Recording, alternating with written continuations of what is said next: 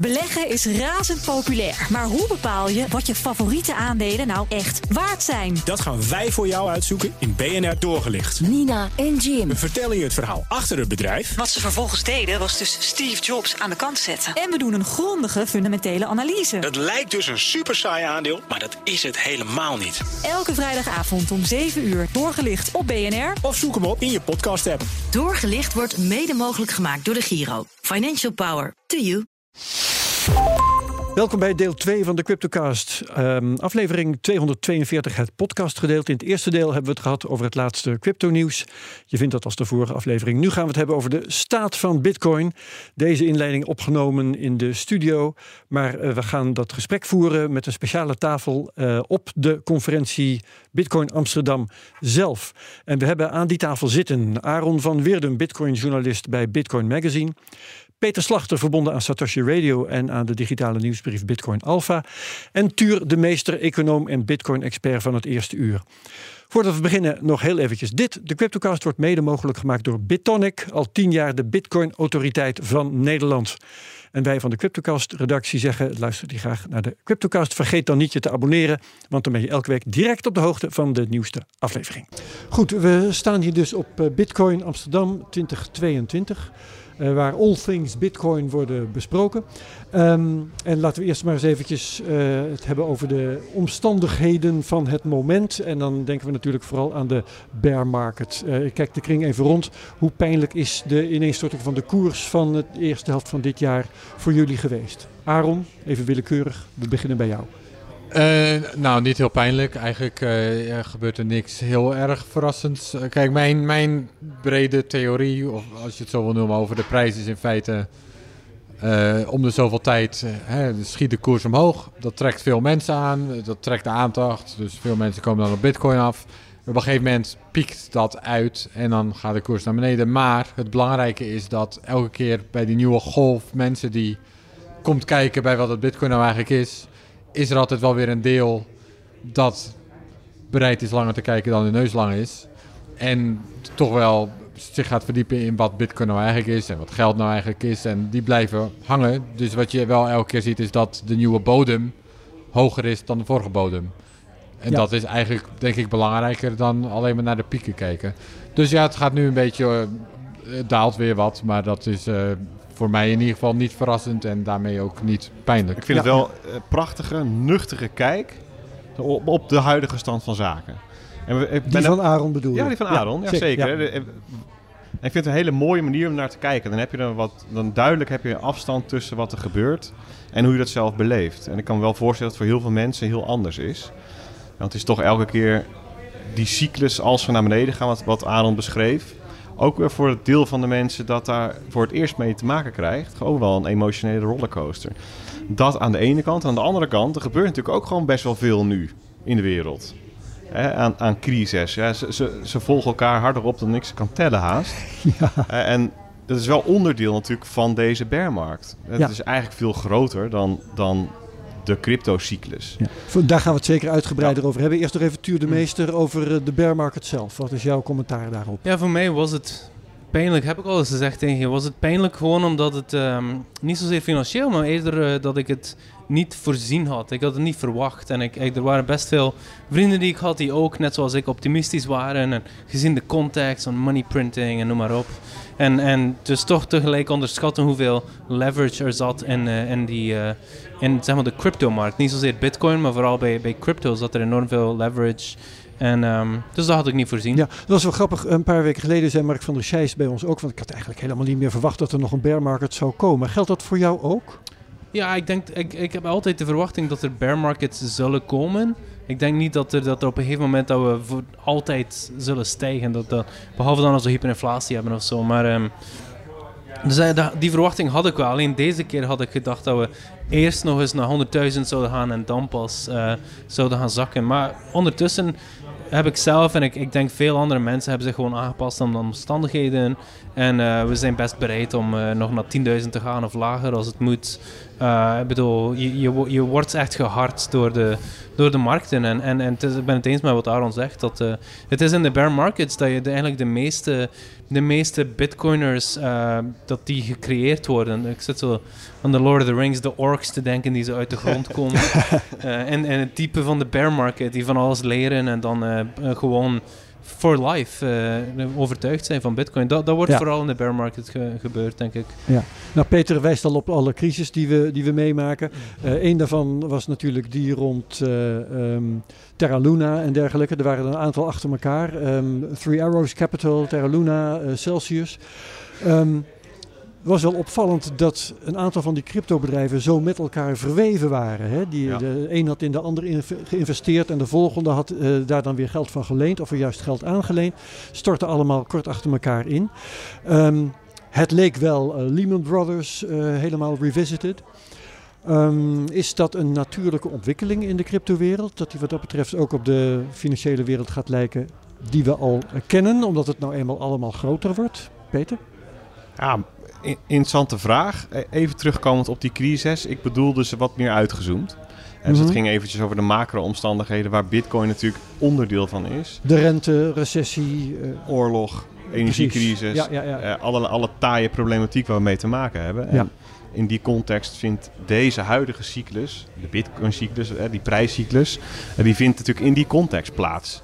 dus um, dat is altijd goed om even het achterhoofd te houden. Ja, en, en um, wat betreft het hele Terra Luna debakel. Um, ik denk eigenlijk dat er best wel wat mensen en partijen zijn geweest die in de periode dat het goed ging best even een oogje toeknepen. Hè, dat, dat zie je wel vaker in boelmarkten. En dan zijn er onwaarschijnlijke gebeurtenissen uh, die geaccepteerd worden of neergezet worden als normaal. Van ja, dit, dit gaat omhoog en hier is niks aan de hand.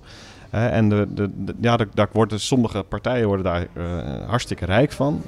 Uh, anderen proberen daar datzelfde mee te bereiken.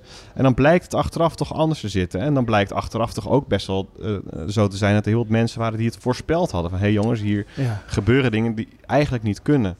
Ja, en is het logisch dat het in de cryptowereld gebeurt? Ja, ik denk het wel. Ik denk overal um, waar hebzucht uh, en, en geld en winst maken onderdeel van is en ik denk dat we dan best wel een stukje afstaan van het Bitcoin-ethos. Want ik denk wel dat het goed is om dat bewust ook daar afstand tussen te creëren. Want daar hebben we het dus niet over.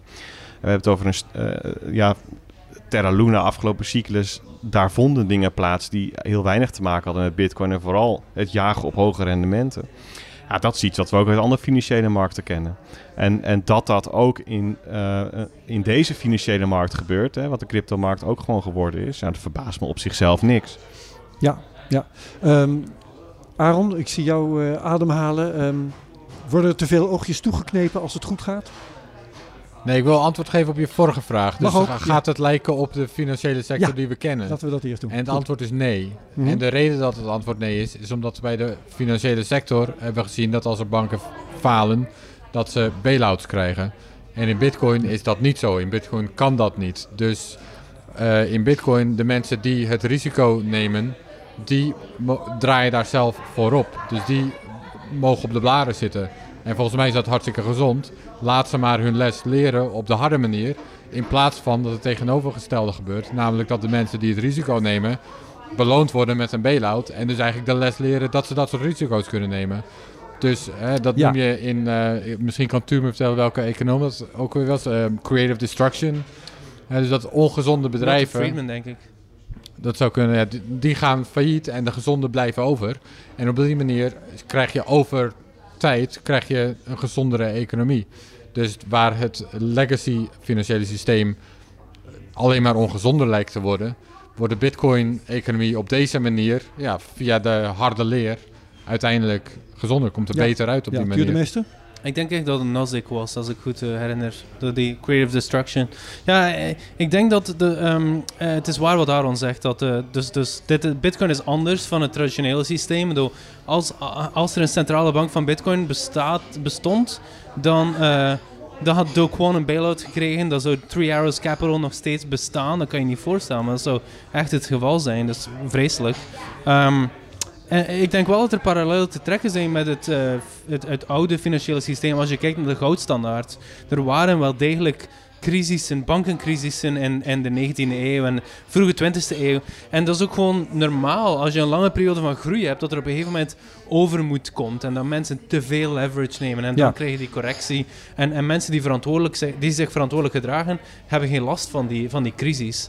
Dus dat is één parallel. En dan een, andere, een ander fenomeen, denk ik, die belangrijk is om, om, om rekening mee te houden, is dat ehm, we zitten in een fase van de inflatoire cyclus waarbij dat er eh, waarbij dat mensen echt beginnen weg te vluchten van geld, van, van de euro, van de dollar.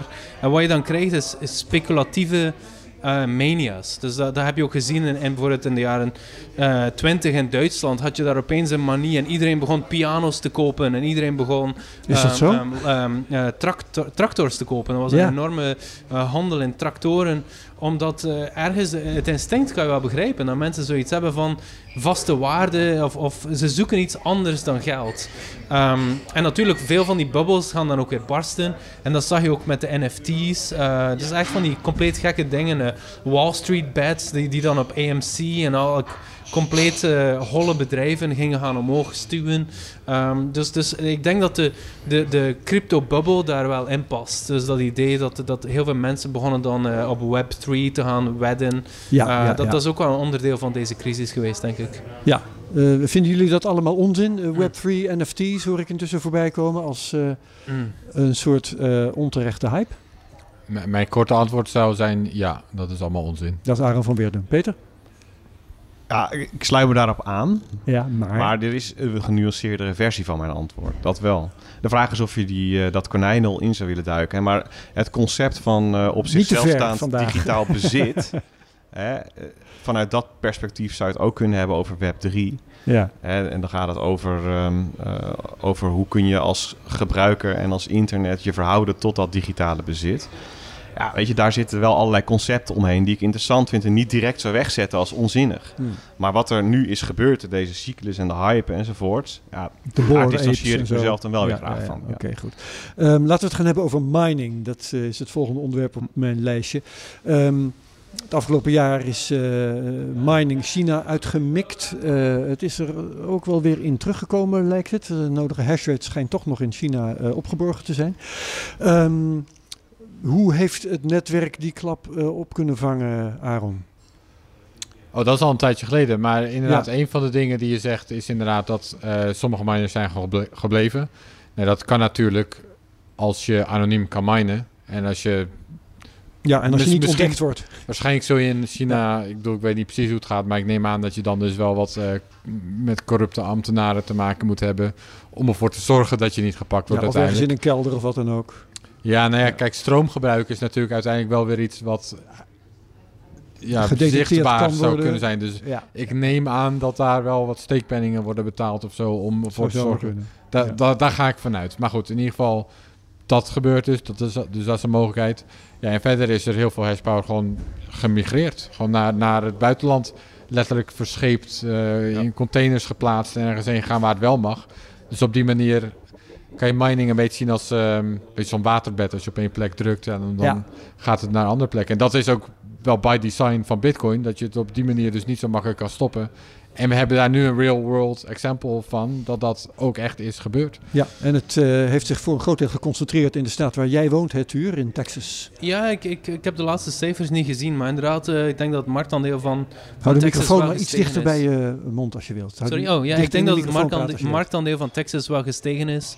Eh, en dat is iets wat al in 2016 voorspeld werd. Er was een, eh, een meetup van Bitcoin Core Devs en, en eh, men had er toen al over dat dus... ehm, een van de redenen waarom dat er zoveel mining in China was, was ehm, de lage arbeidskost en de, de lage eh, veiligheidsstandaarden. En de voorspelling was dat economies of scale ervoor zouden zorgen dat mining meer naar het westen zou gaan verhuizen. Eh, en dat is ook gewoon gebeurd. Dus eh, los van alle politieke elementen, dat, dat, dat stond uiteindelijk toch te gebeuren, denk ik. Ja, ja. Ja. Ehm, decentralisatie, Peter, eh, was eerst een klacht dat eh, meer dan 50% van de hash power in China stond. Nou is het voor een groot deel in Texas geconcentreerd. Ik weet het percentage niet, het zal geen 50 zijn. Maar ehm, is dat wel goed dat één geografisch gebied zo mining naar zich toe trekt? Ehm, We willen decentralisatie. Nou, toch? nee. Hè, dus dus ehm, ik, wat ik het mooie vind aan Bitcoin is dat er op allerlei manieren wordt gekeken naar hoe kunnen we die decentralisatie, alle aspecten van, van alles wat ermee te maken heeft, zo groot mogelijk maken. Nou, dan denk ik dat eh, mining ehm, toch wel, ja, ik zou haast zeggen, het traditionele probleemgeval geworden is na verloop van tijd. Gewoon omdat ja, de economy of skill, de ding- dingen die groter worden, gaan zich vaak ook concentreren. En dat heeft een reden. En dus Ja. kennelijk kun je daar en de bijvoorbeeld apparatuur is duur, daar begint het al mee.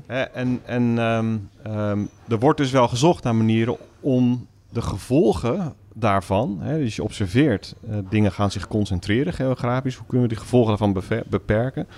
Ehm, dus sleutelen aan hoe mining pools bijvoorbeeld werken. Dat vind ik mooi, eh, dat dat dan gebeurt. Hè, dat daar, daarover nagedacht dat er aan gewerkt wordt. Ehm, en ik vond het ook interessant om te zien wat er gebeurde na die exodus uit China. Inderdaad. Hè. En vooral ook Ehm, dat het zo moeilijk is om te zien wat daar nou werkelijk plaatsvindt. Dus we hebben wel gezien, er, er, er wordt een, een, een verbod afgevaardigd. Of dat dan nou een, een, een landelijk of een provinciaal verbod was, is nog steeds mij onduidelijk. We hebben gezien dat er partijen naar Kazachstan vertrokken en ook wel naar de VS. Ja. Maar na verloop van tijd kwam er toch ook wel weer, leek er heel veel rekenkracht online te komen. En hoe dat nou precies gezeten heeft, ik weet het niet. En een andere ontwikkeling van dit jaar rond mining, wat ik ook heel interessant vond, eh, en nog steeds trouwens, is de zoektocht naar het ehm, eh, naar mining een plek geven in bestaande businessmodellen. Bijvoorbeeld van ehm, eh, partijen die met fossiele brandstoffen bezig zijn. hè. Dus we het, het afgefakkelde methaan niet meer afvakkelen, maar gebruiken voor mining. Maar ook wat je in Nederland dan op relatief kleine schaal ziet. Zo Even om dat uit te leggen, methaan eh, eh, in de Een- fik steken, daar turbines mee aandrijven en ervoor zorgen dat daar dan elektriciteit mee opgewekt wordt en daarmee ga je minen. exact. Die hele ketting. Ja. Precies.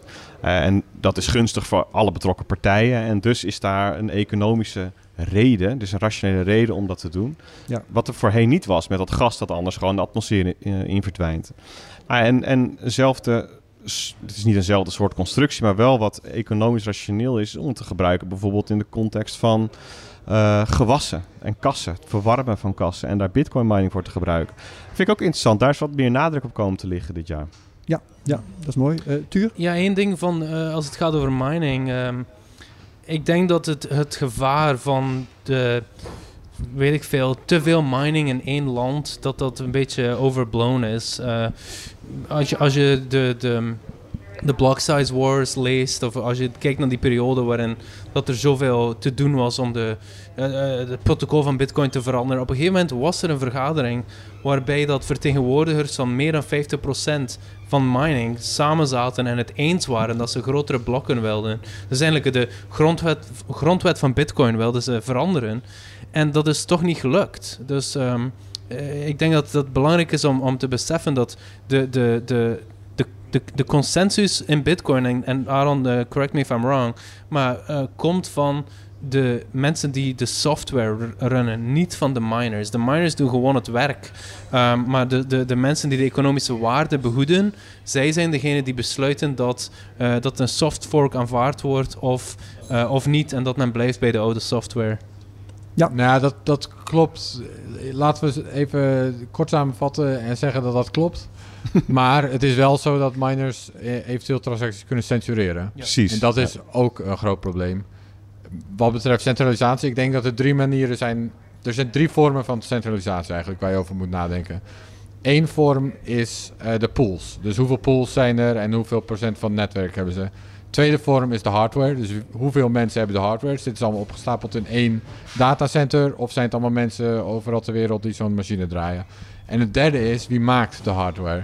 Dus echt de, de chipfabricatie zelf. Dus Ja. dat zijn zeg maar drie vormen van centralisatie.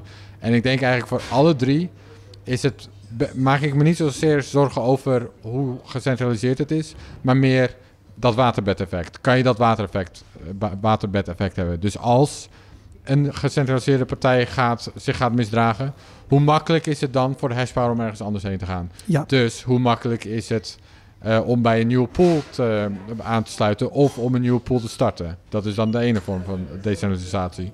De andere is, eh, hoe makkelijk is het om die machines, om aan die machines te komen, om die machines te verschepen, dat soort dingen. Eh, of eh belangrijke, die ik niet eens noem, maar die is eigenlijk nog belangrijk, belangrijker, hoe kom je aan de energie? Is de energie overal, is er één plek waar het veel goedkoper is? Dan is dat een vorm van centralisatie. Ja, Of ja, kan je op veel plekken minen? Dan kan je weer dat waterbed-effect krijgen. En dan de derde is, hoe, hoe makkelijk is het om die dingen echt te bouwen? Nou, daar hebben we tijdens de Block Size Wars heel veel last van gehad, eigenlijk. Dat er eh, een de facto monopolie was. Dat was Bitmain toen. En die ging toen eigenlijk de leverage van het feit dat zij de enige waren die de machines konden bouwen.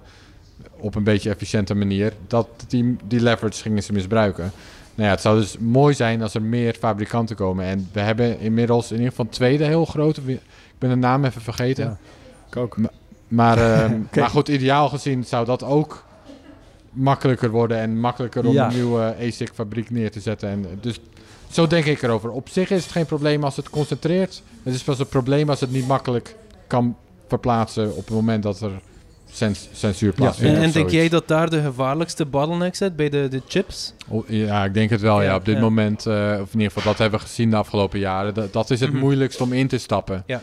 Daar heb je ja, top en ook een lange lead time. Als je dan een nieuwe chip wil bouwen, het duurt het best wel lang. Heel, ja, heel, heel veel eh, investering. eh, Ja. hoe, moet je, hoe noem je het? Ja, geld heb je ervoor nodig. En dus dat is eigenlijk, denk ik, het grootste probleem. Maar goed, in ieder geval, zoals Stuur zei, miners kunnen niet zomaar het protocol veranderen. Dat is positief. Ze kunnen wel censuur plegen. En dat is eigenlijk waarom, je, waarom we toch decentralisatie belangrijk vinden. Ja. Oké. Eh, er is een heel ander probleem waar mining mee te maken heeft de laatste tijd. En dat is dat mining in de kwade reuk staat. Want het zou de oce- oceanen aan de kook brengen, om het maar even eh, ongenuanceerd samen te vatten. Ehm, is mining op termijn bestand tegen die druk? Eh, of gaat er vroeg of laat toch iets als een wereldwijd verbod komen? Hoe denken jullie daarover? Ik denk dat niets, niets kan ooit wereldwijd verboden worden. De, de, de anarchie heerst in de wereld en dat denk ik niet dat dat zal veranderen. Eh, er zijn al jaren plannen geweest om een, een wereldmunt te creëren, de Bancor en weet ik veel. En, het valt altijd stuk omdat er, er is gewoon economisch te veel incentive om, om de consensus te breken. En ik denk dat het precies hetzelfde is met elk aspect van eh, Bitcoin gerelateerd beleid. Er zullen altijd dissidenten zijn. Ehm, dus ja. Ik ben het er grotendeels mee eens, maar er is dus wel één uitzondering waarop bijna alle landen samenwerken. China, Rusland, de Verenigde Staten, Europa, noem maar, op. Bijna iedereen doet mee aan de FATF, heet dat volgens mij toch? De Dus, eh, FATF. ja. Anti-money laundering. Oh ja, ja, Ehm, ja. En dat is nou precies ook waar Bitcoin veel mee te Dus maken heeft. inclusief Dus die travel rule. Ja, er is wel degelijk veel coördinatie op dat gebied. Ja. Precies op dat Ja. gebied we werken allerlei landen samen waarvan je het niet zou verwachten. Dus dat, dat zie ik wel als een risico. Ze kunnen verbieden, dat is een tweede. Kijk, drugs is ook overal verboden. Of in ieder geval de meeste soorten drugs. Maar het is overal. Omdat er genoeg winst te maken is. Ja, en en daarboven, daarbovenop is denk ik eigenlijk de vraag...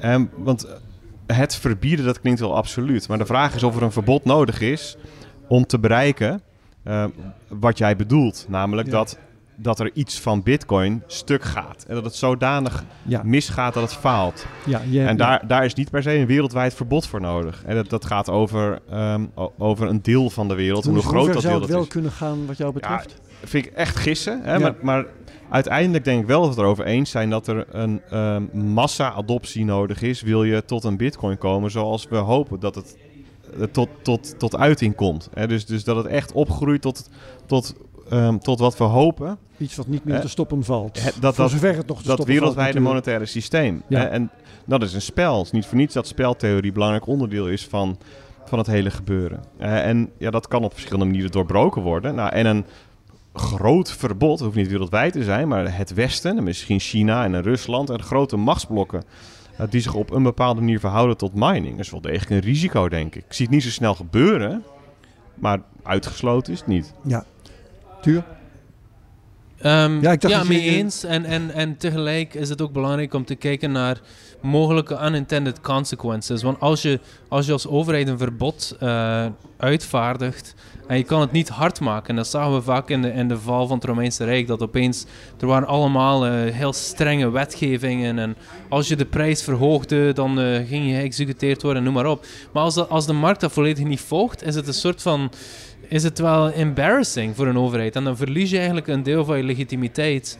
Ehm, en dus, dus i- ik denk dat het, het risico op complete, complete het complete verbieden vrij laag is om die redenen. Omdat de, politici die, die, die worden niet graag in verlegenheid gebracht. Uh, ze willen wetten uitvaardigen die wel degelijk kunnen hard gemaakt worden. En uh, we kennen allemaal het Barbara Streisand effect. Dus als, als je als je, als, soms als je iets probeert te bereiken, in haar geval, ze wilde een, een, eh, een, een, een, foto van haar villa van het internet halen. En het gevolg was dat iedereen die begon te verspreiden. En dus als, als je door hebt, als je, if you call their bluff, als je door hebt dat ze het niet kunnen doen, dat zou wel eens ruggenwind kunnen betekenen voor Bitcoin.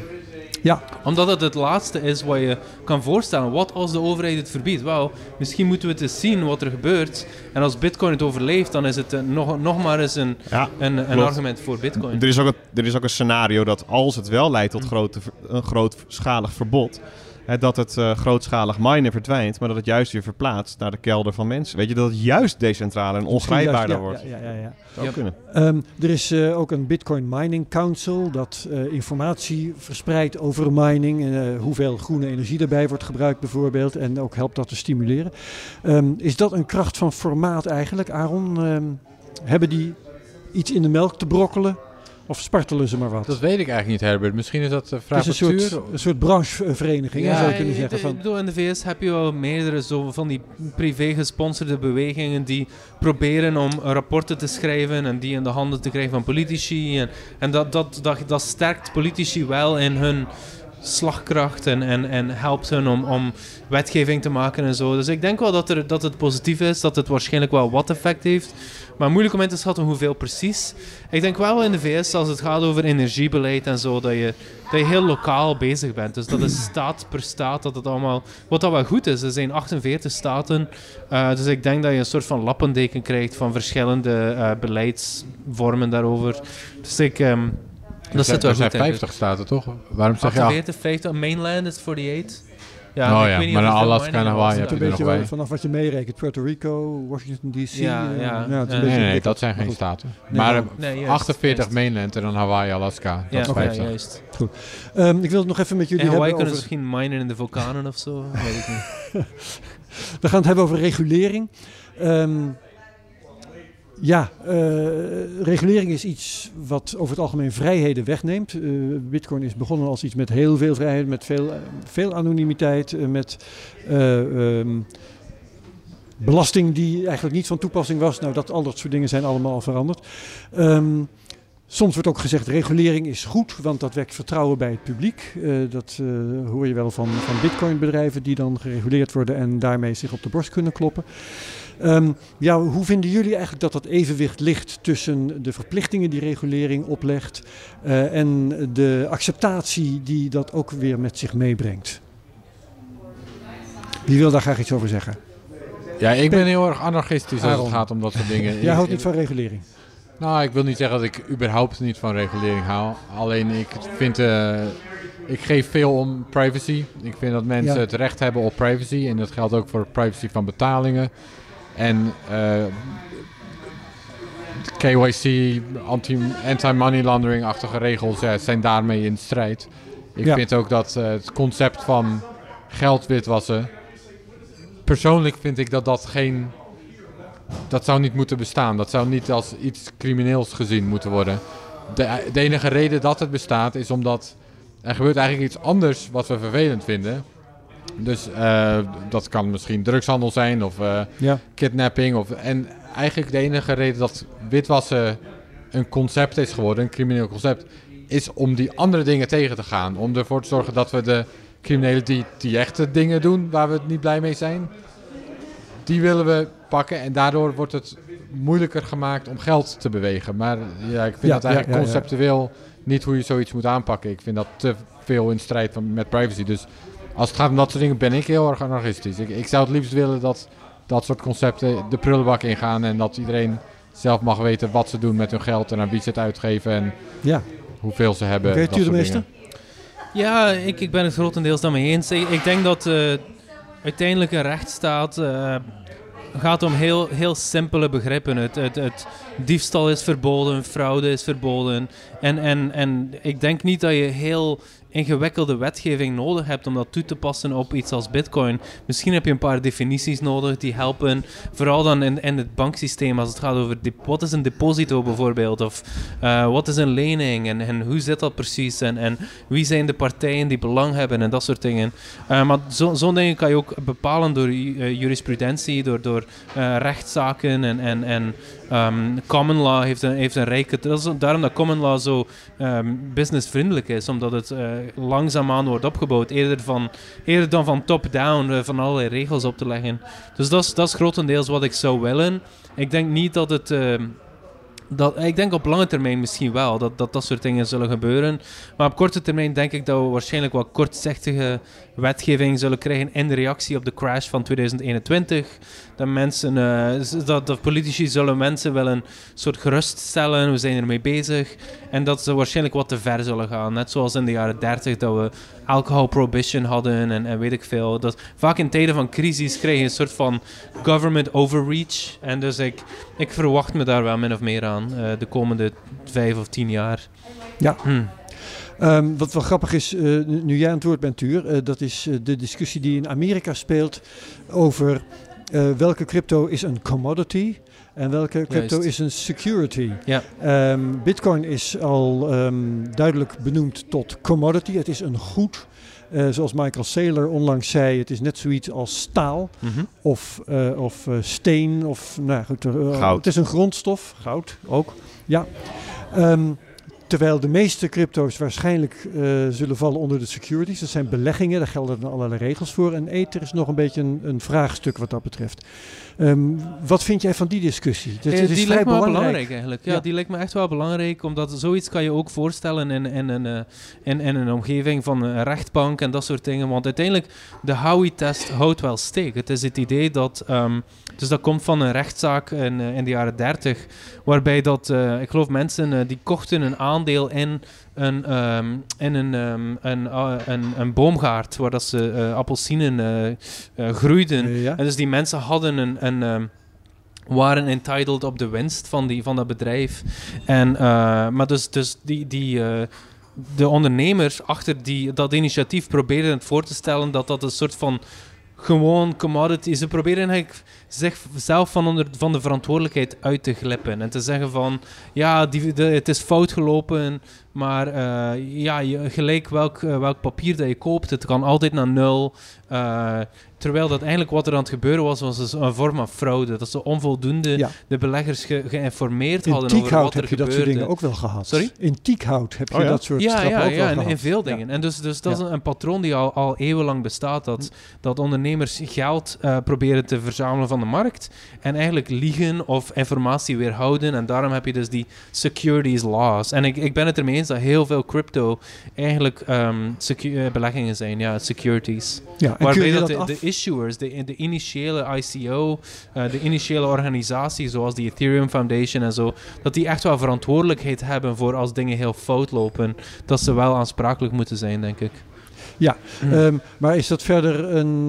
Uh, sta je daar neutraal in? Of vind jij dat uh, die crypto's die securities zijn, dat dat eigenlijk slechte dingen zijn? Wel, het is op zich vrij neutraal. Ik bedoel, als je, als je transparant bent, als je informatie deelt, is, is, is er niet veel mis met een ICO. Uh, maar als je natuurlijk liegt over uh, de, wat er op het gameplan staat, wat je, wat je plannen ja. zijn, wat je, um, als je informatie achterhoudt over wie de vroege beleggers zijn en je, en, je, en je initiatief, dat soort dingen, dan denk ik dat we richting fraude gaan. En dan uh, ja, denk ik dat er beste rechtszaken mogen komen. En, en ja. dat, de, dat, dat investeerders die geld verloren hebben, um, kunnen uh, met reden een, een, rechtszaak aanspannen. En Peter Slachter, die discussie commodity security, die speelt bij ons in Europa niet. Maar dat die in Amerika speelt, is voor ons wel belangrijk. Hè? Want dat gaat bepalen of ze op bepaalde exchanges gevoerd mo uh, mogen worden en onder welke voorwaarden. Ja, het is, het is in die zin belangrijk tussen aanhalingstekens als je kijkt naar de, de, de koersen van dat soort uh, van, van de producten die erbij betrokken zijn op, uh, op dag of week of maandniveau. Maar um, ik vind dit algemeen in deze discussie denk ik dat we best wel even mogen constateren dat er heel veel juridisch nog onduidelijk is. Het zijn eigenlijk allemaal aannames en, en gesprekken en anekdotes, ook van zo'n uh, SEC-voorzitter. Over deze kwestie bedoel je? Deze kwestie, ja. En dat er heel veel gewoon ongetoetst is. En dat geldt ook voor, voor de positie van Bitcoin in zekere zin. Je kunt, je kunt zeggen van, uh, ja, er zijn allerlei quotes en anekdotes waarin Bitcoin neergezet is als grondstof. En dus, hè, maar dat is allemaal gewoon nog niet um, uh, ingebed in de wet. En dan is dat ook wel weer mooi, denk ik, om even terug te cirkelen naar de vraag waar je mee begon, hè, over uh, wet en regelgeving. Um, hè, want uh, Aaron zei gelijk, ik ben anarchistisch aangelegd. Of ik ben ja. anarchist, hè, nou, ergens op dat spectrum. En uh, ik, ik, zie mezelf niet zo, hoewel ik ook niet in het kamp zit van nou, overal moeten maar regels voorkomen. Uh, maar ik vind wel dat we als maatschappij heel erg nu aan de kant zitten van, van law and order. Hè, van, mm -hmm. um, hè, het is eigenlijk altijd een, een touwtrekwedstrijd tussen vrijheid en privacy aan de ja. ene kant uh, en um, het voorkomen van criminaliteit aan de andere kant. En um, ik vind het jammer dat de nadruk in de maatschappij in het Westen heel erg ligt aan één kant van, van het touw. Eén team uh, heeft een beetje de overhand. En ik zou het mooi vinden als vrijheid en privacy weer veel hoger op de agenda komt te staan. Hè? Want dat, dat, dat suggereert niet dat het regelloos is. Maar je kunt ook namelijk best wel waarborgen voor privacy en vrijheid als regel opnemen in de wet natuurlijk. Hè? En um, um, ja, ik, ik, ik, ik vind dat we dus aan de verkeerde kant doorschieten. En dat is jammer. En daar, daar wil ik me ja. persoonlijk wel hard voor maken om te voorkomen dat dat gebeurt. Ja, ik geloof dat Aaron daarop wil reageren. Nou, nee, nou, het enige wat ik even wil zeggen, even voor de duidelijkheid. Mochten mensen in de war raken, want ik zie mezelf niet als anarchist. Oké. Okay. het, het, is gewoon. ik denk dat de staat best wel een rol heeft in een moderne maatschappij. Het is alleen, ik vind dat als iemand aan jou vraagt hoe kom je aan je geld, dat je fundamenteel het recht hebt om te zeggen dat gaat je niks aan. Ja, eens. Dat, dat vind eens. ik. En, ja. dat is, en ja, dat is zeg maar in direct conflict met al ja. die KYC, AML-achtige regels. He helemaal mee als eens. jij op zoek wil naar criminelen, dan doe je onderzoek maar en je recherches en alles. Maar als het om geld gaat, ik zie niet waarom... Het, ja, ja. het is net als dat, je geen, dat we geen encryptie mogen gebruiken. Want dan kunnen we ook makkelijker criminelen pakken. Want die communiceren ook via mobiel. Ja, ja, maar we ja, hebben een soort van als maatschappij bedacht... nee, privacy in gesprekken is belangrijk. Of gordijnen. Je mag een gordijn ophangen in je huis. Er zijn vast criminelen die daar gebruik van maken. Die zitten achter de gordijnen lekker hun plannetjes te maken. Kunnen we niet hebben, die gordijnen? Maar we hebben net al bedacht, we vinden privacy belangrijk. Dus je mag gordijnen, je mag encryptie. En ik vind, je moet kunnen zeggen, het gaat je niks aan hoe ik aan mijn geld kom. Ja, helemaal mee eens. En dat is een trend van al enkele jaren, nou misschien wel afgelopen decennium. En naarmate de wereld digitaler wordt, grijpen we naar hele botte instrumenten om um, misstanden te achterhalen. Sleepnetten. In plaats van ja. dat we dat met ouderwets speurwerk oplossen. Uh, en doe mij maar dat laatste in plaats okay. van het eerste. Dat, uh, dat gevoel is hier aan tafel geloof ik algemeen. Ja. We gaan even naar een paar technische uh, gebeurtenissen rondom Bitcoin. Taproot is nog niet zo oud. Ik kijk even naar Aaron van Weerdum. Uh, de adoptie daarvoor, uh, ik weet niet wat het in cijfers op dit moment is, maar toen ik daar een uh, paar maanden geleden naar keek, was het eigenlijk miniem in de orde van 5% of zo. weet je uit je hoofd hoe het er nu voor staat, de laatste upgrade van, van het Bitcoin-netwerk? Nee, dat weet ik eigenlijk niet. Het is, het is natuurlijk sowieso, nu moet ik even denken, zeg ik dit goed? Kan je, voor mij kan je niet per se, oh jawel, nee natuurlijk. Sorry, ik, was even, ik zat even te denken of je aan de buitenkant, om het zo te, zien, zo te zeggen, of je kan zien of iets een Taproot-transactie is. Maar dat, ah. is dus, maar dat is dus wel zo, want ze hebben een ander soort adres. Dat kun je wel ik moest even mijn geheugen opfrissen. Goed, ja. En je vraag was hoeveel het nu gebruikt wordt. Nee, uh, ik heb volgens mij laag, inderdaad. Ja, Wat jij al laag, zegt, voor mij is het gewoon laag. Weet iemand van de andere aanwezigen hoe ver we daarmee zijn? Dat is waarschijnlijk nou, laag. Ik neem aan dat we moeten wachten op een bull market, want ze zijn ah. meer efficiënt, toch, hè, die, die transacties? Het hangt er vanaf wat voor transactie je maakt. Okay. De vraag is meer... Um, kijk, ik zie um, de, de komst van Taproot... en in het vaarwat ook natuurlijk Snor Signatures... en alle ontwikkelingen eronder... zie ik als upgrade van de infrastructuur... en de mogelijkheden die je kunt gebruiken... om toepassingen mee te maken... die weer worden gebruikt door gebruikers. He, dus het is niet zozeer van... wordt Taproot in gebruik genomen... Mm -hmm. maar worden er nieuwe features bedacht en ontwikkeld die alleen maar mogelijk zijn omdat Taproot bestaat. Nou, een voorbeeld daarvan is bijvoorbeeld Taro. Dat is, ja, de adoptie daarvan is nog laag, want dat is net nieuw. Hè, dus dat Leg even uit wat het is. Dat is, dat is het, het, light, het protocolletje tegen het Lightning-netwerk aan... waarmee stablecoins, bijvoorbeeld dollar assets... via het Lightning-netwerk van A naar B kunnen. Oké. Ja, die feature bestaat alleen maar omdat Taproot, best- dat is daarvan afhankelijk. Ja, en dat is een van de eerste keren eigenlijk dat je iets ziet ontstaan eh, ja, bij de gratie van, het, van, van die upgrade. Ja, en, en zo gaan denk ik de komende jaren steeds vaker dingen verschijnen die mogelijk zijn omdat die upgrade is doorgevoerd. Ja. Speaking of? Taro, eh, ik ben benieuwd, eh, wat, denk jij van Taro? Aaron? Vraag eens aan Aaron. ik eh, heb daar geen geïnformeerde mening over nog. Oké. Dus dat, eh, daar hou ik het even bij Idem, voordat ik eh, domme dingen zeg. Nou, in, in verband ook met de tijd gaan we dan lekker meteen door naar eh, Lightning. Ja, mag ik nog één ding Oh, zeggen over zeker, ja, Taproot? dus ja. ik, eh, ehm, het is natuurlijk ook zo, dus bijvoorbeeld, nou je noemt Lightning net, maar een van de dingen die je met Taproot kan doen is Lightning transacties kan je zo, kan je op normale transacties laten lijken. Mhm. Eh, Ik zeg het niet helemaal goed. Lightning open en closing transacties, die kan je op normale transacties laten lijken. Dus dan kan je van de buitenkant, als je de blockchain leest, niet meer zien of iets een Lightning open of closing transactie was. Sorry, ik ga nu Engels en Nederlands door elkaar, Geef elkaar niet, we spreken. begrijpen je. Ehm, nu is het zo, je kan met elk development team dat iets met Bitcoin praten en de schaarste is altijd developers. Ja. Eh, en ze hebben dus allemaal een prioriteitenlijst van oké, waar moeten we als eerst aan gaan werken en daarna. En dat je transacties op elkaar laat lijken. Ja, ik denk dat dat voor de meeste development teams niet nummer 1 staat. Nummer 1 is, ik weet ook niet wat het wel is eigenlijk. Waarschijnlijk iets met liquidity of weet, ik weet het niet. Maar er zijn gewoon andere problemen die waarschijnlijk wat dringender zijn dan dat. Dus de infrastructuur is er.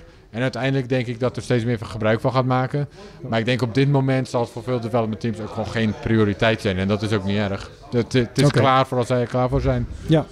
Eh, Lightning dus, ehm, eh, je leest eens in zoveel tijd weer over nieuwe records die bereikt worden als het gaat om de getallen rond het eh, Lightning-netwerk, de aantal nodes of bijvoorbeeld de liquiditeit. De 5000 bitcoin grens is ondanks, onlangs bereikt. Ehm, ben je tevreden met de groei van het Lightning-netwerk, Tuur? Of ik er tevreden mee ben? Ja? Ben Ja, mee? nee, ik denk dat het, eh, dat het fantastisch loopt. Er zijn eh, verschillende bedrijven die goed werk doen. Eh, 100 miljoen dollar is niet zo weinig als het gaat over iets wat je, wat je Die 5000 bitcoins is 100 miljoen dollar. 100 klopt miljoen dollar, ja, inderdaad. klopt, dus ja. dus Ja, ja. Als, je, als het gaat over iets waar je eh, een fractie van een cent miljoenen keren heen en weer kan sturen, heb je niet zo'n enorm groot reservoir nodig. Uh, dus ik denk dat het allemaal heel positief loopt. Uh, de, de, soms zijn mensen wat ongeduldig, maar we hebben ook we zitten in een, in een fase van lage fees on-chain. Dus ik denk dat Lightning echt gaat um, um, uh, belangrijk worden eens we een nieuwe bull market hebben en die fees terug omhoog gaan. Als we spreken over 5 dollar per bitcoin transactie op de chain of, of 10 of 20 dollar, dan gaan veel mensen naar, uh, naar um, Lightning gaan, denk ik. Ja, Peter, uh, wat voor uitdagingen hebben we nog qua Lightning? Zo, goede dag. um, je kunt hem ook doorspelen hoor. Nou, nee. We kunnen gewoon even een hele simpele noemen. Ja. Hè, de, even, dan houden we het ook even bij Nederland. Het is nog best wel ingewikkeld om eventjes uh, die eurotjes die je hebt uh, in, je, in je Lightning wallet te krijgen. Gewoon iets, iets heel simpel. Dat zit natuurlijk wel in de weg van het in gebruik nemen ervan.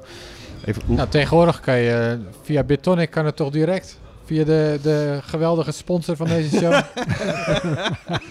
Dankjewel namens de sponsor van. Cutting edge. Ja.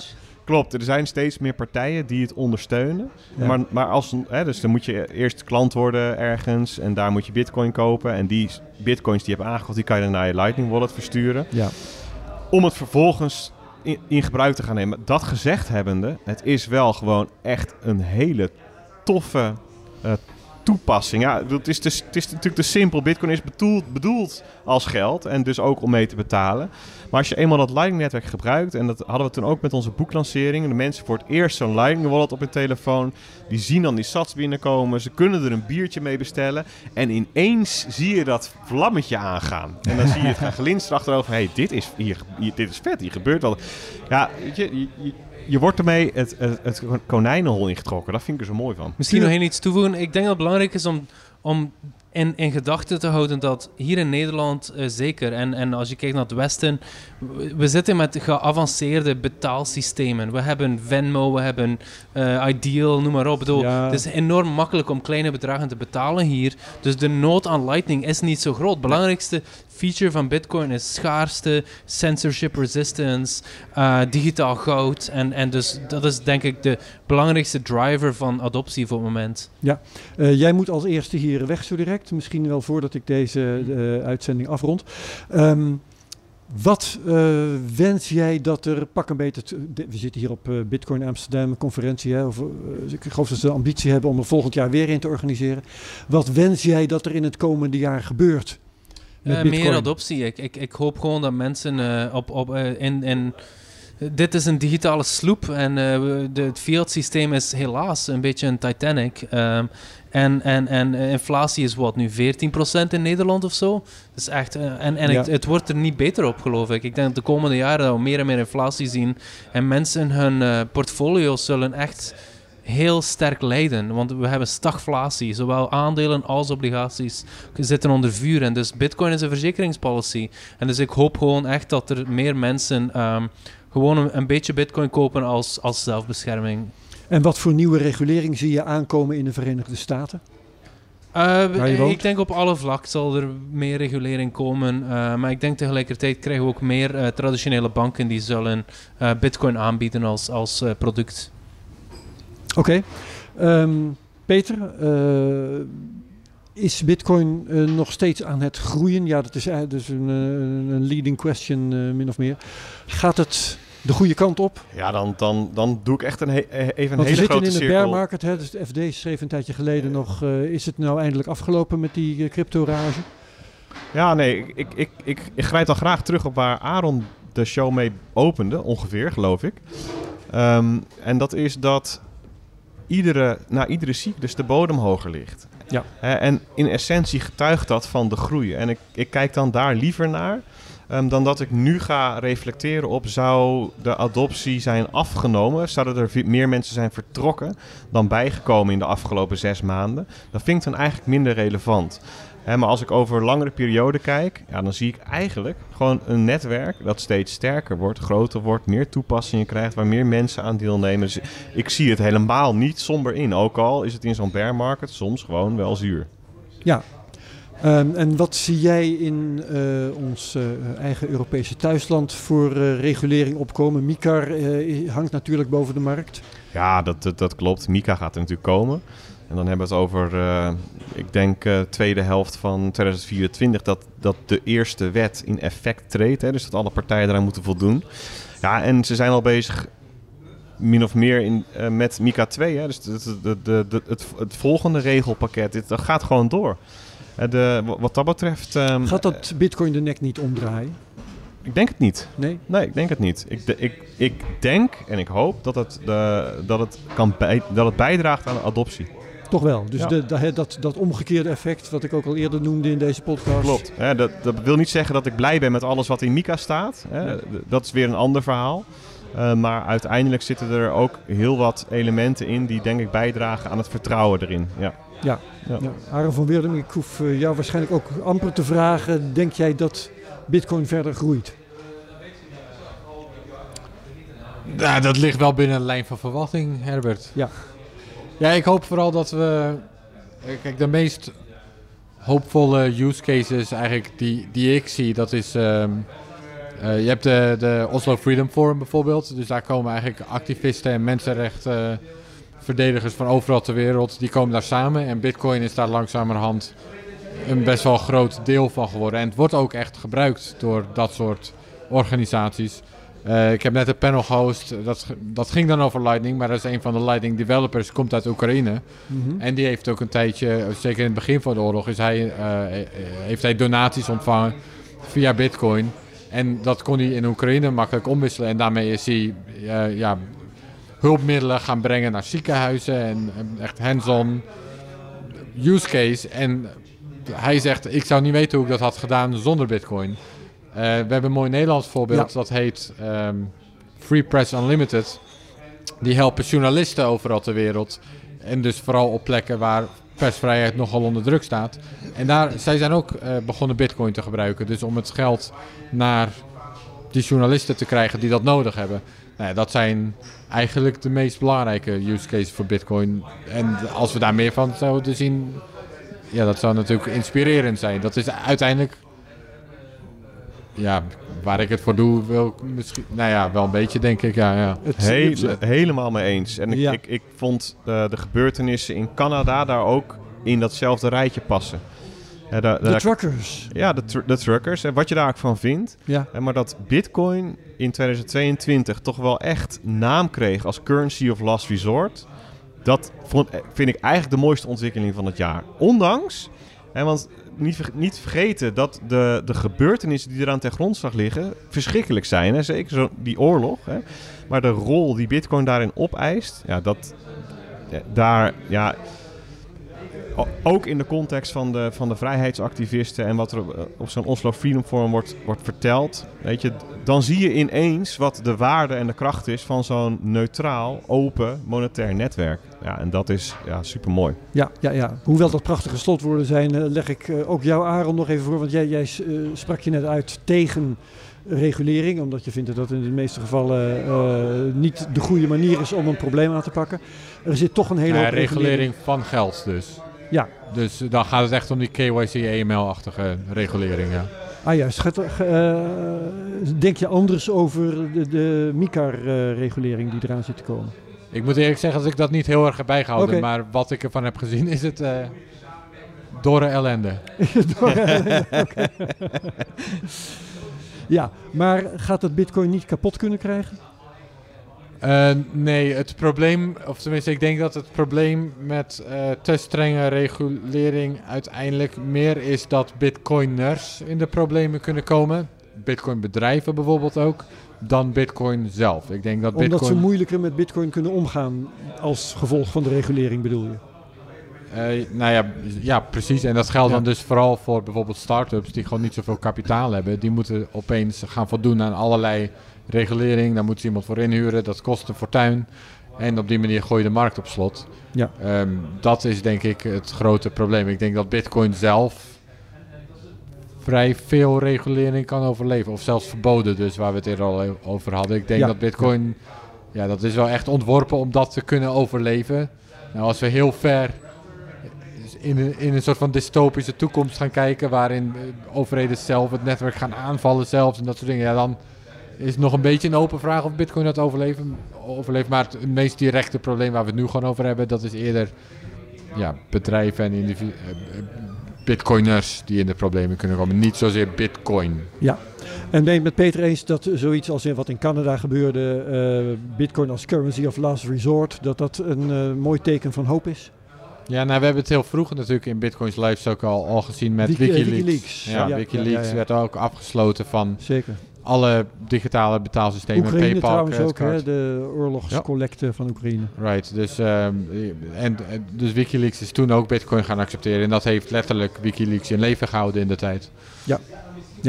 Oké, ik eh, dank jullie wel. Ehm, Peter Slachter van Bitcoin Alpha en Satoshi Radio. Tuur de Meester, econoom en eh, bitcoiner van het eerste uur. Aro van Weerdum, eh, bitcoin-journalist van bitcoinmagazine.com. Allemaal heel hartelijk bedankt. Tot zover deze CryptoCast. Eh, volgende week is er weer een gewone CryptoCast met Simon Lelyveld. Als co-host weten we nog niet wie we daar eh, tegenover zetten. Vergeet deze CryptoCast in elk geval niet te delen met je volgers op Twitter. Gebruik de mention CryptoCastNL. En laat reviews achter op Apple Podcasts, zodat we beter worden gevonden al daar. Like, subscribe en comment op YouTube. Iedereen heel hartelijk dank voor het luisteren en tot volgende week. Dag hoor.